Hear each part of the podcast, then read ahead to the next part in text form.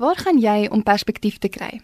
In vandag se wêreld word ons heeltyd gedruk en getrek na die volgende ding, nog 'n sperdatum, nog 'n doelwit, nog meer kennis en inligting. Wanneer staan mens stil? Selfs tye wat nie spesifiek deur iets gevul is nie, word volgemaak met iets wat ons net gou-gou wil klaarmaak.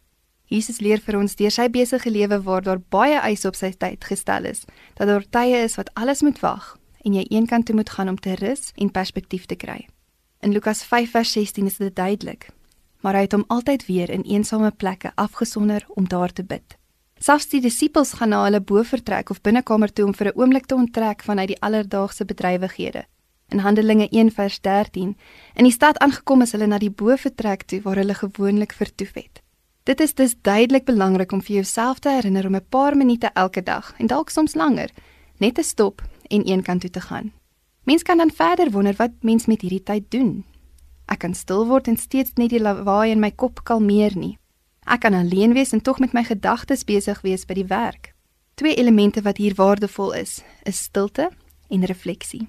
Om te kan stil wees, vra dat jy jou gedagtes fokus op waar jy nou is. Dalk help dit om te fokus op jou asemhaling of om 'n eenvoudige sinnetjie in jou kop te herhaal.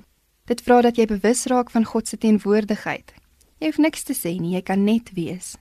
Gemaklik, ontspanne, teenwoordig. Wanneer jou gedagtes afdwaal en jy besef dit, fokus rustig weer op waar jy is en dat jy by God is.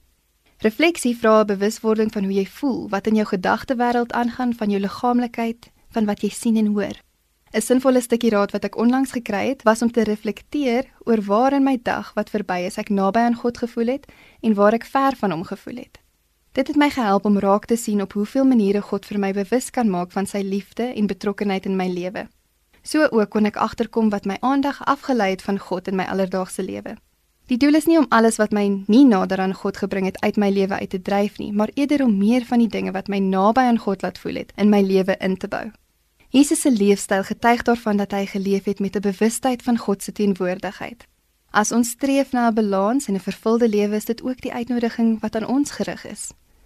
Mag ons stilte en refleksie in ons daaglikse rotine inbou om met hierdie bewustheid te lewe en sodoende raak te sien hoe God ons nader aan hom lei.